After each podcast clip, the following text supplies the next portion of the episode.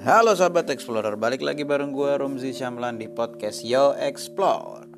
Oke, dalam tema hari ini gue akan ngebahas soal hmm, alat musik tradisional Indonesia. Wah. Tapi ini beberapa alat musik ini bukan yang yang tradisional ini maksudnya bukan yang udah mainstream kayak gendang atau apa nih ini masih banyak yang belum tahu gitu loh. Bahkan namanya mungkin masih asing di telinga-telinga kalian nih. Apalagi buat millennials wah mungkin ini bakalan susah didengarnya. Bahkan kayak asing lah gitu maksudnya. Gue aja denger namanya itu masih susah mencerna gitu loh. Gue yang bukan anak millennials gitu ya kasarnya. Tapi ya tapi ini tergantung balik lagi ke kaliannya sih. Gimana caranya kalian uh, mau untuk mencari tahu atau enggak peduli atau enggak gitu lah. Nah kalau gue ya peduli karena gue juga suka hal-hal yang kayak gini.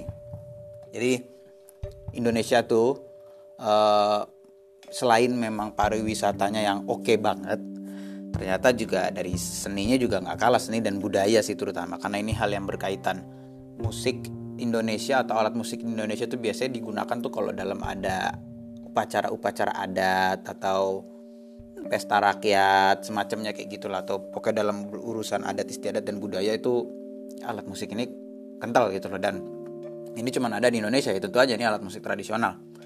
Jadi langsung aja kita bahas aja oke yang pertama itu ada namanya genggong. Gue nggak tahu bacanya genggong apa genggong. Jadi ini dari Bali nih.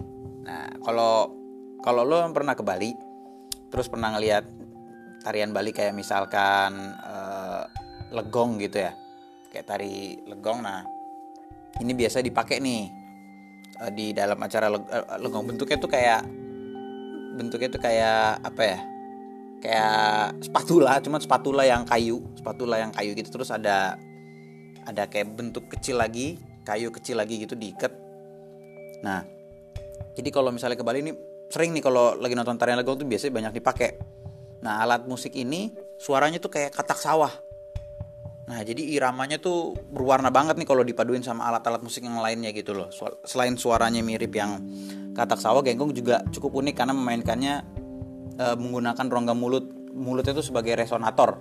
Nah, kalau kalian yang pengen tahu kayak gimana alatnya ini kayak apa bentuknya kayak gimana lu bisa langsung datang aja ke ke Bali ya terutama itu ada sanggar seni di Sukawati namanya Tripusaka Sakti di situ juga ada kesenian musik Bali dan mungkin kalian bisa menemukan alat itu ada di sana. Itu, itu yang pertama. Terus yang kedua ada namanya karinding. Nah, ini dari wilayah Sunda. Mungkin yang orang Sunda tahu atau mungkin sering dengar. Nah ini dibuat dari pelepah kawung atau enau. Itu uh, apa kayak bambu gitulah. Nah setelah itu bambunya itu dipotong, dibentuk uh, kayak bentuknya tuh simple sih. Bentuknya kayak sikat, mirip kayak siwak gitu loh. Tapi karena emang nanti mainnya di mulut gitu. Jadi uh, bentuknya memang macem-macem, terus ada suaranya juga beda-beda gitu loh. Nah, cara main ini juga sangat unik. Jadi dengan ruas tengah karinding itu ditaruh di bibir, lalu ditepuk-tepuk bagian ujung ruas paling kanannya. E, sampai jarum karindingnya itu getar. Nah, nanti kalau kalian mau tahu kayak gimana alatnya dan gimana cara maininnya, kalian bisa langsung cek di magazine You Explore, masih ada di timeline depannya. Jadi karena ini masih baru artikelnya kita baru rilis. Uh, itu ada judulnya ya alat musik tradisional Indonesia Terus yang ketiga ada sasando. Nah, mungkin ini yang pernah kalian dengar.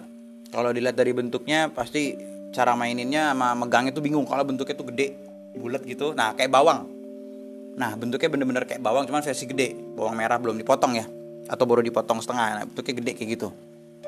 Nah, ini berasal dari Rote, Nusa Tenggara Timur. Alat yang musik alat musik yang satu ini dimainkan dengan cara dipetik. Nah, bagian utama sasando yang berbentuk tabung tuh biasanya terbuat dari bambu yang gue bilang kayak bawang tadi lalu di, uh, dikasih kayak ganjelan gitu buat senarnya di bagian tengah. Dan yang melingkar gitu sampai ke atas sampai ke bagian bawah tabung.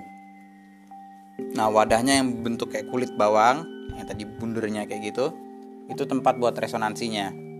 Unik banget alat musiknya nih. Jadi buat kalian yang bingung alatnya langsung buka aja magazine kita karena ini unik juga sih gitu. Gue ngeliatnya juga yang kayak ah kelihatannya tuh kayak pajangan kayak bukan alat musik serius deh tapi ternyata ini alat musik dan menghasilkan suara yang tentunya sangat unik nah yang keempat ada fu nah Fu. Mungkin kalau kalian pernah nonton SpongeBob ada kerang ajaib. Nah, ini bener-bener bentuknya kayak kerang, kerang ajaib bisa ditiup-tiup gitulah.